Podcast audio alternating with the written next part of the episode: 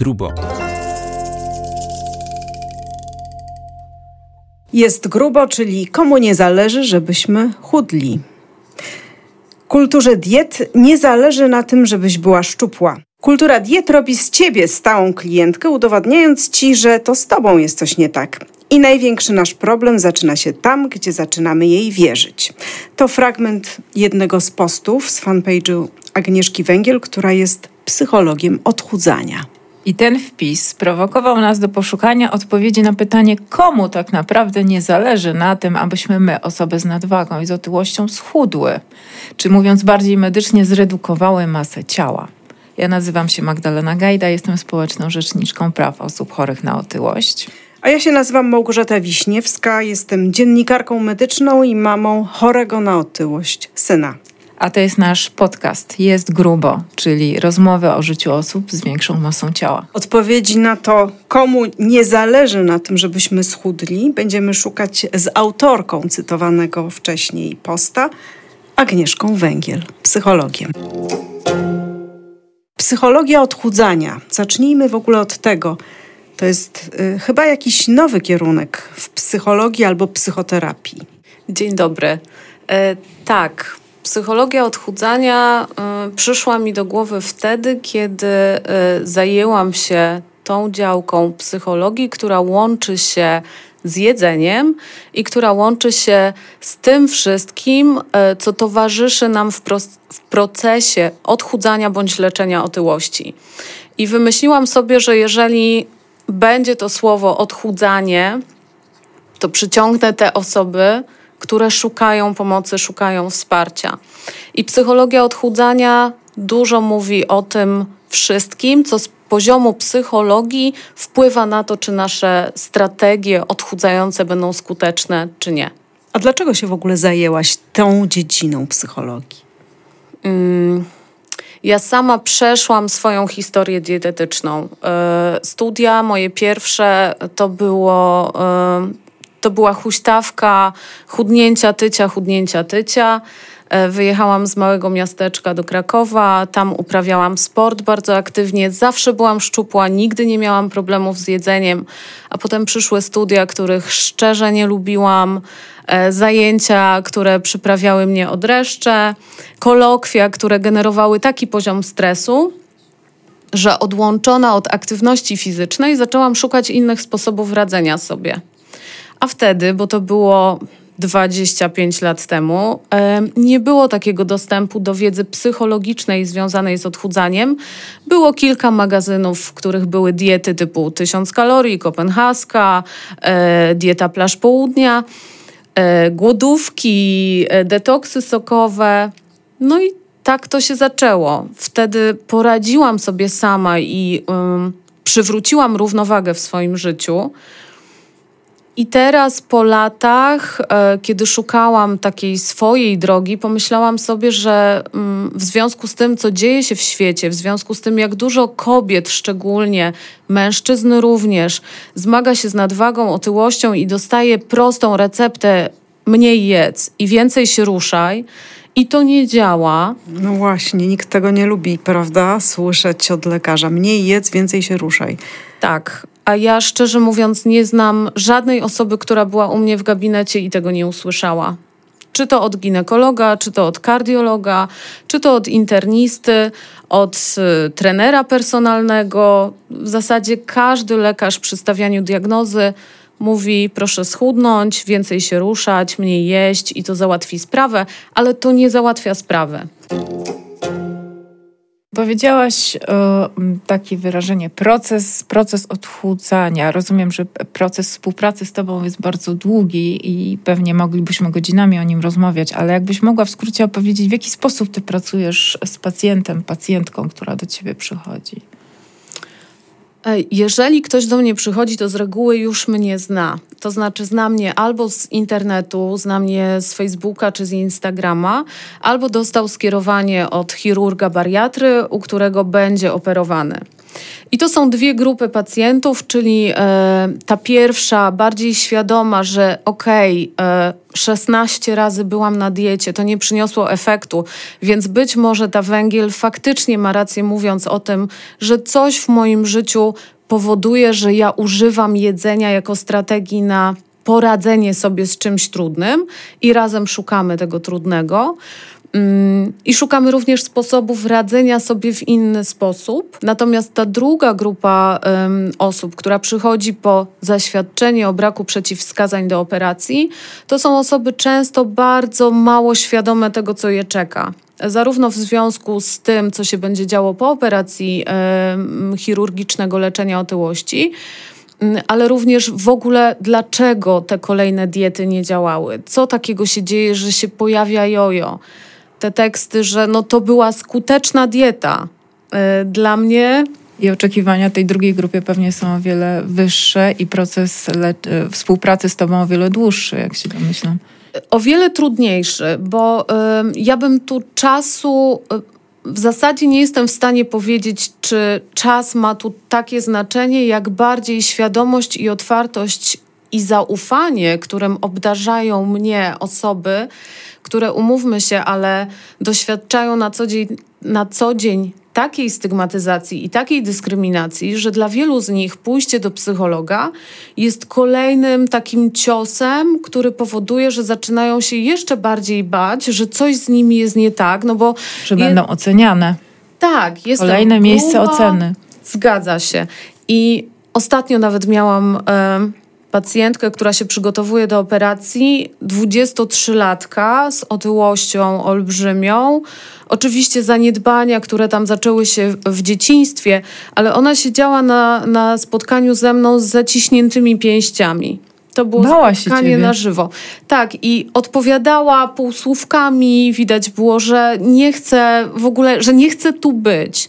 I ja w którymś momencie zapytałam, co się dzieje czemu te pięści są tak zaciśnięte? I ona powiedziała, że ona już ma dość specjalistów, bo każdy specjalista do tej pory mówił jej: schudnij, mniej jedz, więcej się ruszaj, jesteś młoda, ogarnij się.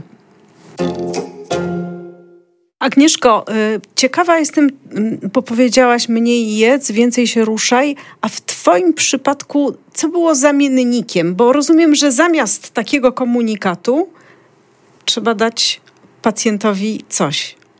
Co było w Twoim przypadku tym zamiennikiem e, komunikatu mniej jedz i więcej się ruszaj?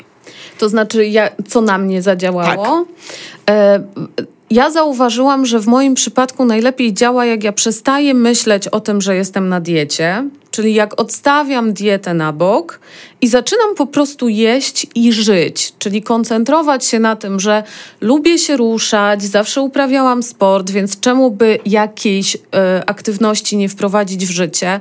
Zaczęłam chodzić na koncerty, zaczęłam chodzić do teatru, czyli skupiłam swoją uwagę na tym, co y, robiło mi dobrze czyli co powodowało, że ja mogłam odetchnąć, znajdowałam czas na to, żeby odpocząć i równocześnie, żeby zastanowić się, co jest źródłem tego mojego problemu. No bo jeżeli ja raz w tygodniu przed kolokwium z łaciny zjadałam litr lodów, moja przyjaciółka z pokoju drugi litr, e, bo tak bardzo bałyśmy się i tak wielkie napięcie generowało to spotkanie na drugi dzień z naszą nauczycielką, no to stwierdziłam, że tu jest coś nie tak, że nie chodzi o to, że ja lubię lody. Nie, bo ja w wakacje nie pożerałam wielkich ilości lodów i zaczęłam analizować, co się dzieje w tych momentach, w których ja właśnie sięgam po batonik, sięgam po chipsy, sięgam po lody, ciastka, drożdżówki, zamiast po prostu jeść.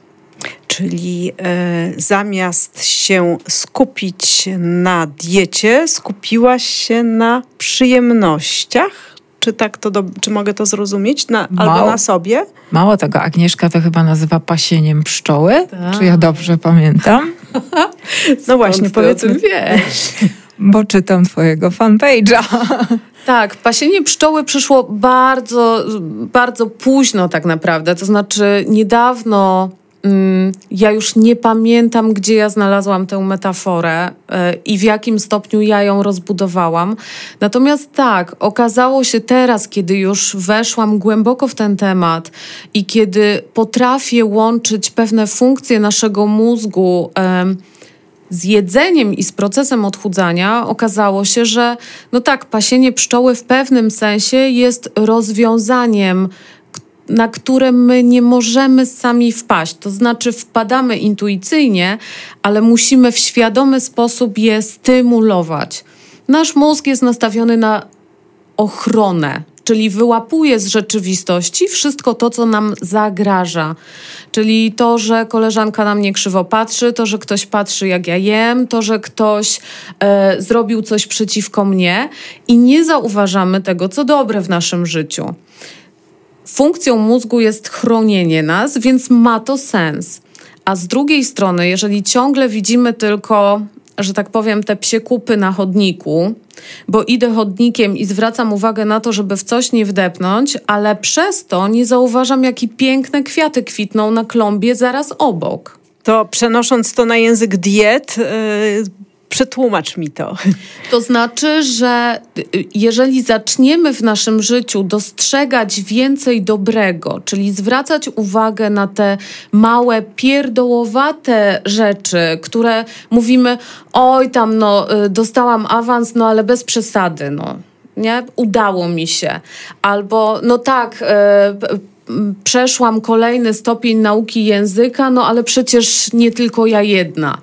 Albo no tak, mam fajne Niedocenianie dzieci. siebie, tak? Tak, niedocenianie siebie, niedocenianie tego, co świat nam przynosi. I to powoduje, że stresu jest bardzo dużo w naszym życiu, bo jeżeli, jeżeli widzimy tylko tę jedną część negatywną, no to to generuje w nas stres, a stres najłatwiej jest zajeść. Ale przenosząc dalej y, to na język tak zwanych diet, to mhm. ja cię chciałam zapytać, bo przecież e, dietetyk daje nam pewną rozpiskę, taki ścisły plan, którego warto się trzymać i może to ma jakiś sens, jeżeli ja pięć razy dziennie jem coś zgodnie z pewnym planem, no to zaczynam, czuję, że zaczynam chudnąć.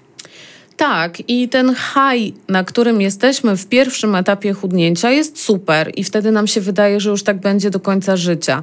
Ale pomyślcie sobie, co wy słyszycie i co wy czujecie i jakie myśli pojawiają wam się w głowie, kiedy słyszycie, do końca życia masz być na diecie, jeżeli chcesz być szczupła.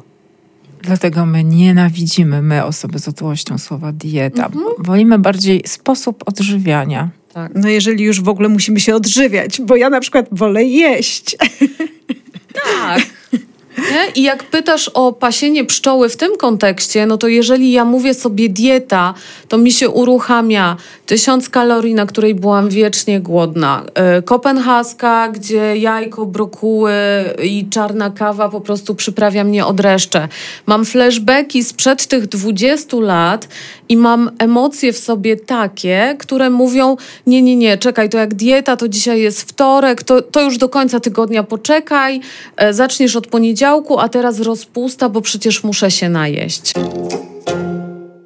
No ale. Mm gdzieś jest jakiś plan, którego powinnam się trzymać, jeśli mhm. chcę trzymać linię. Tak, jeżeli chcesz być zdrowa, jeżeli chcesz się dobrze czuć w swoim ciele, bo umówmy się, że linia dla jednej osoby to będzie rozmiar 38, dla drugiej 44. I mówiąc w języku BMI, to wcale nie znaczy, że muszę mieć tam między 20 a 25 BMI, bo jak mam 33, to też mogę się nieźle czuć, prawda? Oczywiście, że tak. Tylko kwestia osobowości, tak? I po, polubienia polubienia siebie, ale też odkrycia, że ten rozmiar 38, czyli to BMI w normie powiedzmy. Albo lekko powyżej. Albo lekko powyżej nie oznacza, że coś się w moim życiu zmieni poza rozmiarem. Oczywiście będzie mi się łatwiej ubrać, ale za każdą naszą dietą z reguły stoi takie przekonanie, że jak schudnę to, jak schudnę to będę szczęśliwa, jak schudnę to zmienię męża, jak schudnę to kogoś poznam.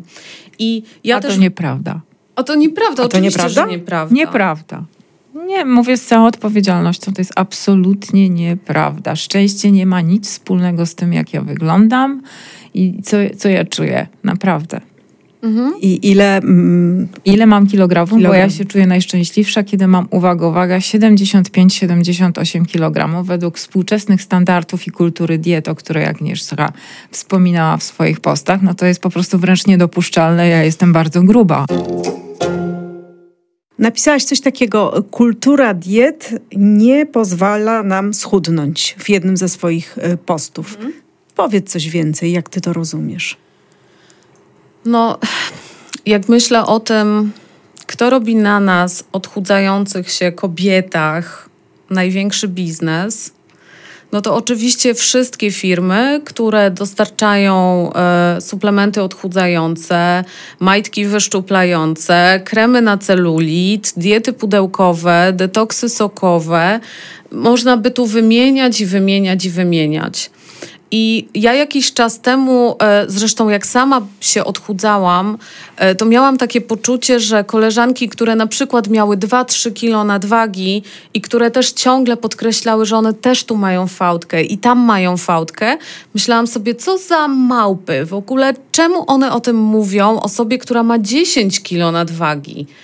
A teraz y, ja mam takie poczucie, bo mam takie kobiety w gabinecie również, że kultura diet e, nie puszcza nas nawet wtedy, kiedy jesteśmy szczupłe, bo my i tak nie sięgamy do kanonu, bo mam celulit, mam rozstępy, tego się nie da zlikwidować, no umówmy się, nie będziemy wygładzone Photoshopem w realnym życiu. A jak już raz e, zaczniesz stosować dietę, która działa, no to w zasadzie powinnaś się trzymać chyba tego dietetyka i płacić mu ten e, abonament, prawda? Bo e, warto jednak trzymać się tej wagi, którą już uzyskałaś, tak? Tak byśmy chciały, tylko pytanie, jakie my koszty za to płacimy. Bo wiesz, to jest trochę tak, że jeżeli popatrzymy e, na jedzenie, jak na.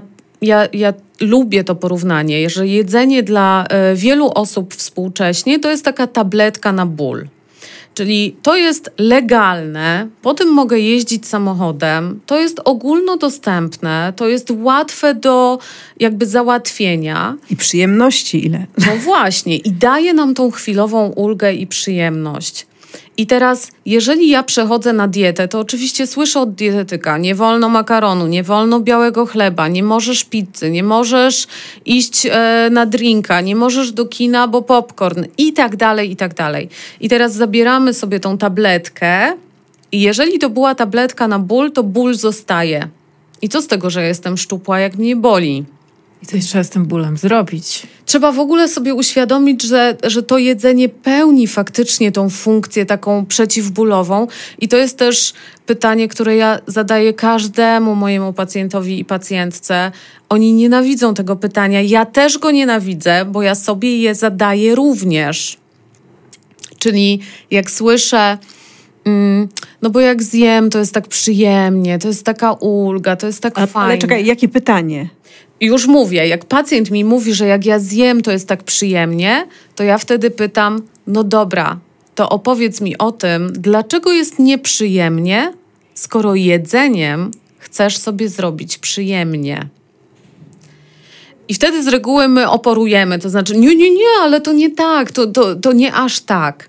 Natomiast jak zaczynamy rozmawiać i w to wchodzić, no to jeżeli deklarujemy, że jest mi przyjemniej albo jest mi lepiej, jak ja zjem, no to wchodzimy głębiej i sprawdzamy to, co w moim życiu powoduje, że mi nie jest dobrze, że mi nie jest przyjemnie. No i tam się zaczyna ta cała praca, o którą Magda pytasz, nie? Tam jest ten ból, tam jest ta trudność, tam jest jakiś dyskomfort, no, który tym jedzeniem sobie tam przyklepujemy. To jest jakiś sposób e, na to, żeby nie jedzeniem, a czym w takim razie sobie ten ból uśmierzyć? To zależy, bo to jest kolejna ważna rzecz. Pytanie, czy my musimy każdy ból uśmierzać.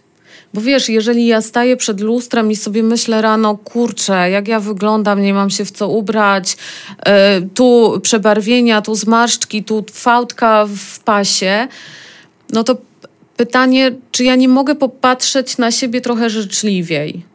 Nie? Jeżeli wyjdę na ulicę, to zobaczę kobiety wokół siebie takie jak ja, a nie same chodakowskie.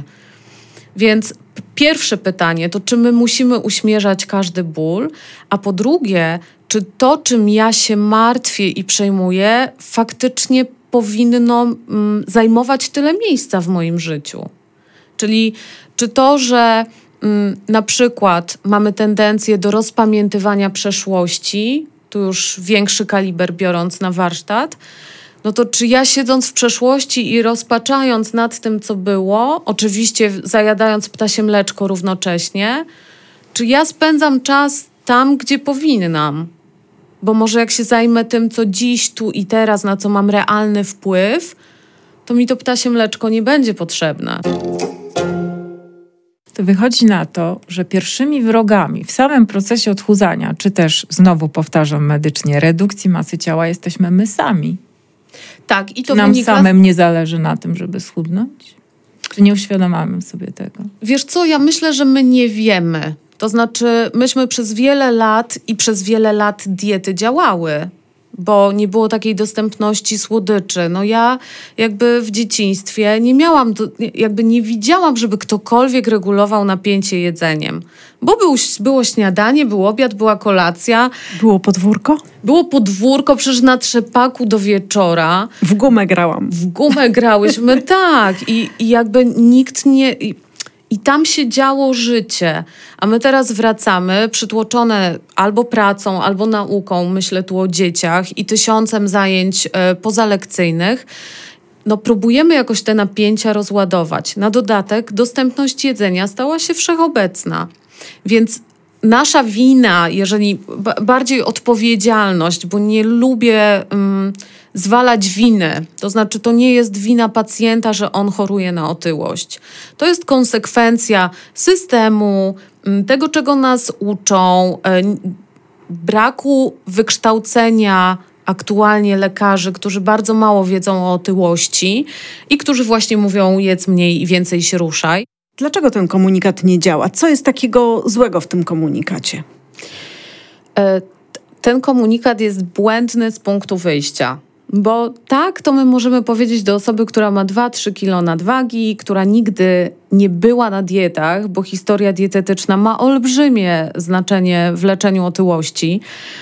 E, I to wynika bardzo często, ten komunikat dla mnie, on wynika z niewiedzy. Z niewiedzy, że otyłości się nie odchudza, że otyłość się leczy, że otyłość to choroba, że pacjent, który trafia do lekarza i słyszy po raz kolejny to, co robił przez wiele, wiele lat, bo ja nie mam pacjentów, którzy nie mają historii dietetycznej, więc oni już próbowali mniej jeść i więcej się ruszać.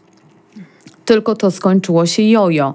Więc z mojej perspektywy, każdy lekarz, który chce naprawdę zająć się e, pacjentem chorującym na otyłość, powinien dokształcić się, krótko mówiąc, e, w tej dziedzinie, która dla usprawiedliwienia powiem, no roz, rozwija się teraz bardzo szybko.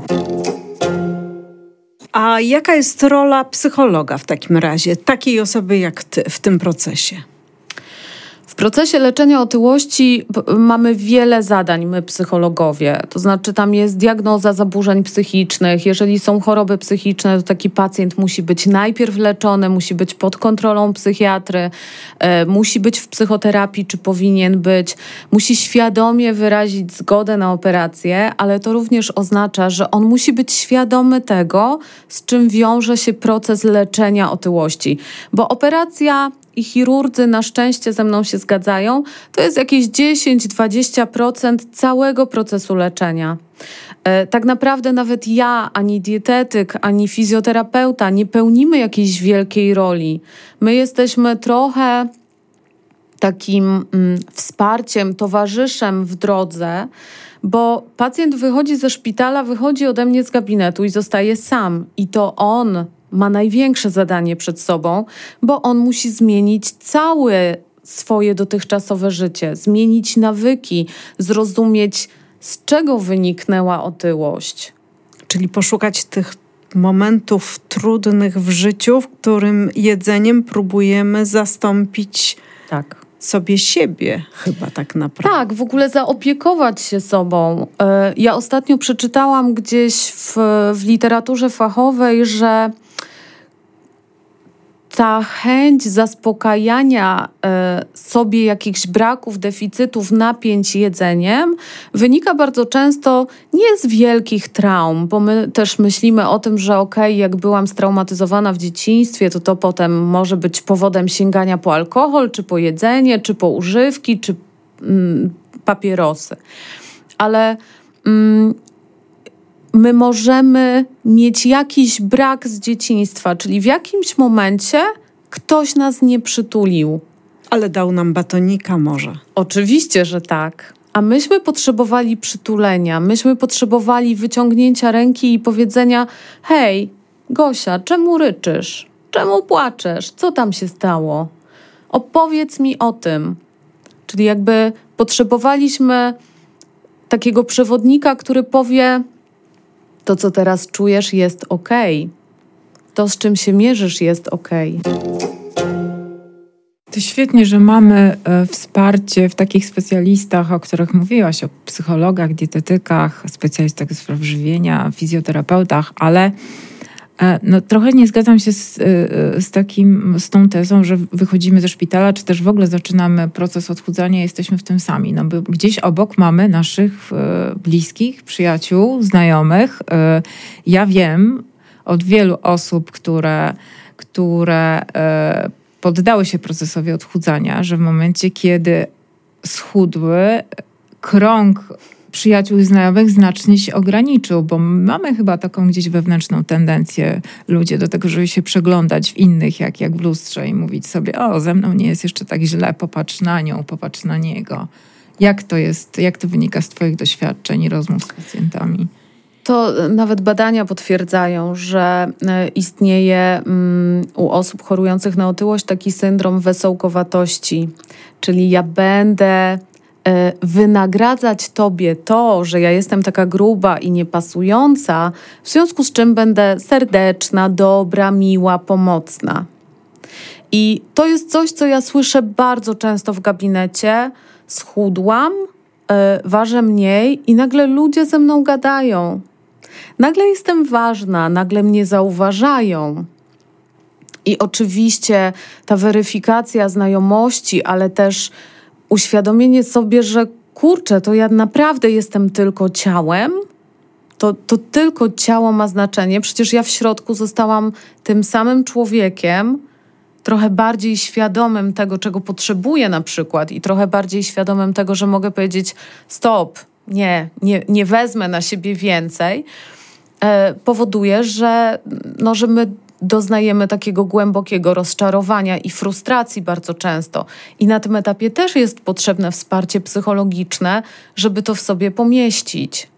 Bo ja nagle z tego wesołka akceptowanego, takiego rubasznego, śmiesznego, dobrego, staję się kobietą czy mężczyzną, którą, który mówi: Halo, ja też jestem ważna, ja już nie muszę y, wszystkich. Udowadniać. Tak. Udowadniać, wszystkich zadowalać. I nie wszystkim się to podoba, dlatego odchodzą. Oczywiście, ktoś powiedział, nie. Magda była taka fajna i Magda się zepsuła. Ale to wiele, um, powiem, nie będę wymieniać um, nazwisk, um, wiele celebrytek, które e, przeszły tą metamorfozę jakby na wizji, e, bez względu na to, czy chudły, czy były leczone z powodu otyłości, mm, mówią o tym, że dostają wiadomości od swoich fanek, że zdradziłaś nas. Bo ty tu gruba byłaś naszą ikoną i myśmy stały za tobą murem i czułyśmy się bezpiecznie. Więc z jednej strony to mówią osoby, które mm, jakby same sobie nie, nie, nie radzą, a z drugiej strony, no właśnie, ty już nie jesteś taka zabawna i taka wesoła, już tak nie zabiegasz o nas yy, i to mówi cała reszta. Yy, no bo, no bo tak, bo stałaś się bardziej pewna siebie, ale pewna siebie właśnie w tym obszarze asertywności. To właśnie ty powiedziałaś, Adel, przykład Adel był taki, że fanki przestały być, utożsamiać się z nią. No bo jakżeż, moja Adele nagle schudła, stała się inną osobą? Jak ona mogła? Czy to znaczy, że inne osoby z nadwagą, chorujące na otyłość, yy, nie wspierają się nawzajem w procesie leczenia, że tak powiem, też medycznie? No, a ja powiem, psychologicznie to zależy. Nie? Jak wszystko w psychologii. W ogóle kobiety, nie wiem, czy to jest polskie, czy to jest uniwersalne, ale wiemy dobrze, że my się nie wspieramy. To znaczy, że jak ktoś komuś wciśnie szpileczkę, to z reguły kobieta kobiecie. E, I ja sobie myślę, że tu, Magda, ty wcześniej też powiedziałaś o, o tym, że ta osoba przecież ma bliskich. I do tego też chciałabym nawiązać, bo ci bliscy bardzo często i o tym też słucham za każdym razem w gabinecie. Ci bliscy najczęściej są tymi naszymi nie wspieraczami, nie przyjaciółmi, nie tymi, którzy podają rękę, tylko my od bliskich najczęściej słyszymy: ogarnij się, zrób coś z sobą, no patrz jak ty wyglądasz, no ile ty. po prostu. Tak. I ja w ogóle też bardzo często przeprogramowujemy sobie mm, y, z moimi klientkami i klientami w ogóle myślenie i te, te takie nasze polskie przekonania: rodzina jest najważniejsza nie? A ja pytam, okej, okay, ale no skoro mama albo tato mówią ci, wyglądasz jak świnia, ogarnij się. Albo podtykają obiady. Ale oczywiście z jednej strony mówią, wyglądasz jak świnia, czemu nie jesz do końca? Nie wolno jedzenia marnować bo jakby takich przykładów ja też mam na, na pęczki i zastanawiamy się, gdzie szukać wsparcia, bo oczywiście wsparcie po operacji, czy w ogóle w procesie e, chudnięcia i leczenia otyłości jest niezwykle ważne, tylko to nasze przekonanie, że to ma być rodzina i jak nie mam rodziny, która mnie wspiera, tylko która mi przeszkadza, to jestem zostawiona sama sobie. A to nieprawda, bo czasem bliżsi są dla nas ci zupełnie dalecy genetycznie. Którzy na przykład wspierają cię dobrym słowem, mhm. wspierają cię tym, że zauważają na przykład twój proces zmiany albo to, że stajesz się bardziej pewną i stojącą na nogach osobą. Tak, i którzy mówią, jak mogę ci pomóc, czego potrzebujesz ode mnie, w razie czego jestem, bo ja nie mam pojęcia, przez co ty przechodzisz.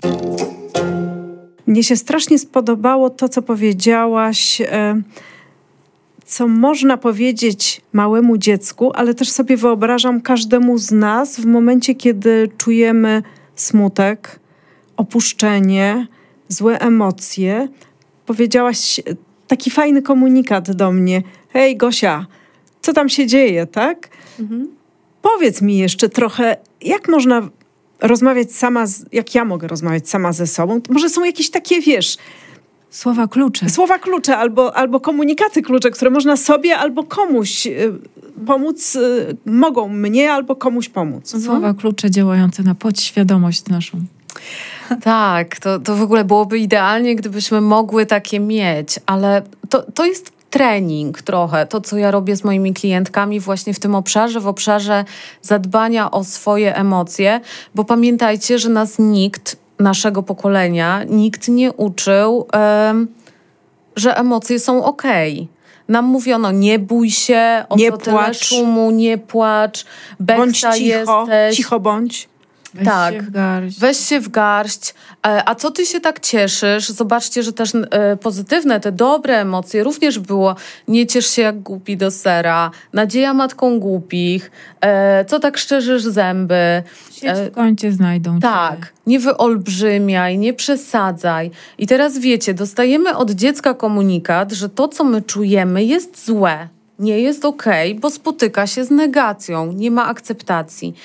I to, co ja proponuję moim klientkom, a my wtedy zajadamy. Więc to, co ja proponuję, to zwłaszcza te, które mają dzieci, e, to jest e, jakby to najszybciej łapią, ale to jest też do zrobienia u każdej z nas. Czyli ja mówię, wyobraź sobie, że masz dziecko albo że masz bardzo bliską ci osobę, taką małą, która jeszcze o niczym nie wie, niczego nie rozumie. I wyobraź sobie, że ona na przykład jest strasznie smutna.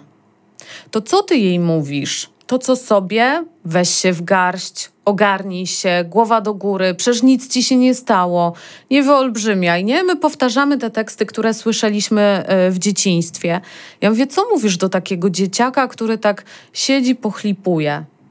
No i wtedy zawsze, no nie, no w życiu tak nie powiem, no przecież zapytam, co się stało, wezmę za rękę, przytulę, zabiorę na spacer, dam jakąś zabawkę.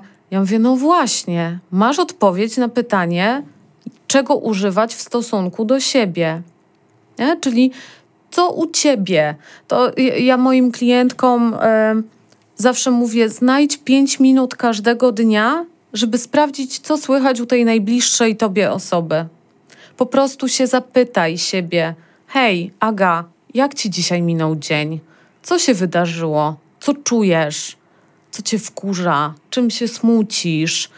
Co ci sprawiło radość? Czego potrzebujesz? Bo to jest też pytanie, jak Magda mówisz o, klucz, o, o tych pytaniach, wytrychach, to to jest takie pytanie, które może nam dużo otworzyć czego potrzebujesz. Powiedz mi jeszcze, skoro już tak Cię pytam o różne takie chwyty i sposoby, poza tym, że mo możesz poczuć się ze sobą troszkę lepiej i się sobą zaopiekować, to co możesz zrobić w momencie, kiedy no, myślisz o tym jedzeniu obsesyjnie, no chcesz jeść albo chce ci się coś słodkiego zjeść? Czy jest coś, jakiś zamiennik, co można dla siebie zrobić zamiast? Poza dobrym słowem oczywiście jeszcze. Mhm. Ja po pierwsze y, zawsze proszę, żeby moje klientki sprawdziły, kiedy ostatnio jadły. Bo jak nam się nałoży głód emocjonalny z fizjologicznym, to my możemy przebiec maraton i skończymy i tak z czekoladą. Więc zrób sobie coś sensownego do jedzenia, jeżeli dawno nie jadłaś. A po drugie, ja i to też sama stosuję, bo pamiętajmy, że historia dietetyczna zostawia w nas. Y, w cudzysłowie piętno, zostawia w nas ślad na całą resztę życia. To zawsze mi się włącza w sytuacjach dużego napięcia ciasteczko. I teraz, jak ja czuję, że zaczynam krążyć po domu, że zaczynam skubać orzechy, bo ciastek nie mam w domu, żeby, no bo nie są zbędne. Pszczoły. Tak. E, ja zawsze wtedy sobie myślę, że kurczę, w zasadzie ta zachcianka to jest coś fajnego. Tylko pytanie, jak ja ją wykorzystam. Bo wiesz, jak zaczyna cię nosić od kanapy do lodówki, jak zaczynasz czuć, że musisz coś zjeść, to masz wtedy jasny sygnał od swojego organizmu, że dzieje się coś ważnego. I ja mówię, dobra, odłóż to na bok, powiedz sobie, dobra, zjem za chwilę, ale jeżeli mam zachciankę, to znaczy, że coś trudnego się dzieje w środku. Być może jestem niewyspana, bo te stany fizjologiczne nasze zaniedbane również generują napięcie i stres. Być może jestem wściekła na to, że znowu wzięłam w pracy, nie wiem, dodatkową robotę. Być może ktoś się na mnie krzywo popatrzył. Być może się czegoś boję.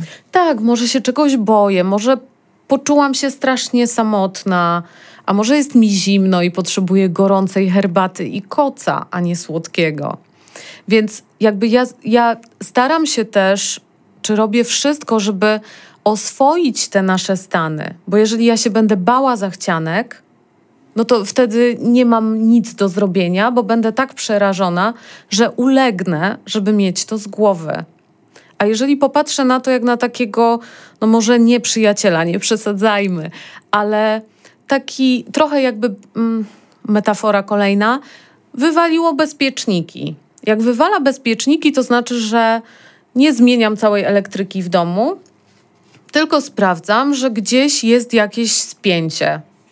Czyli to samo muszę zrobić tu. Jeżeli mam zachciankę, to sprawdzam, co to za bezbie- bezpiecznik tam wystrzelił, nie? I wtedy, jeżeli sobie powiem, kurczę, no siedzę i rozmyślam o tym, co będzie za dwa lata i się zamartwiam, co będzie z moimi dziećmi, no to czy na to mi pomoże ciastko? No nie pomoże. To co ja mogę zrobić, żeby wyjść z tego kołowrotka zamartwiania się? No mogę na przykład teraz zaplanować wspólne święta z moimi dziećmi. Albo mogę iść z nimi na spacer, na rower, mogę obejrzeć z nimi film, żeby spędzić z nimi czas, bo to jest jedyne, na co mam wpływ.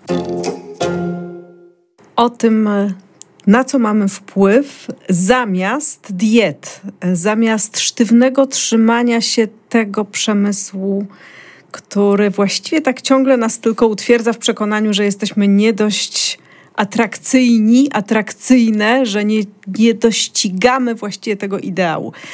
Rozmawiamy, albo właściwie rozmawiałyśmy z Agnieszką Węgiel, psychologiem, a ja jestem ciekawa, czy Waszym zdaniem jest e, rzeczywiście taki mechanizm i czy komuś albo komu zależy na tym, żebyśmy e, nie chudli, albo osoby z większą masą ciała nie chudły, żebyśmy się leczyli z nadmiaru kilogramów. Napiszcie nam, co sądzicie o tym w komentarzach pod naszym podcastem. Ja się nazywam Małgorzata Wiśniewska. Ja się nazywam Magdalena Gajda. A to był nasz gość, Agnieszka Węgiel, psycholog. Słuchajcie premier naszych e, podcastów zawsze w środę po 20. Serdecznie zapraszamy.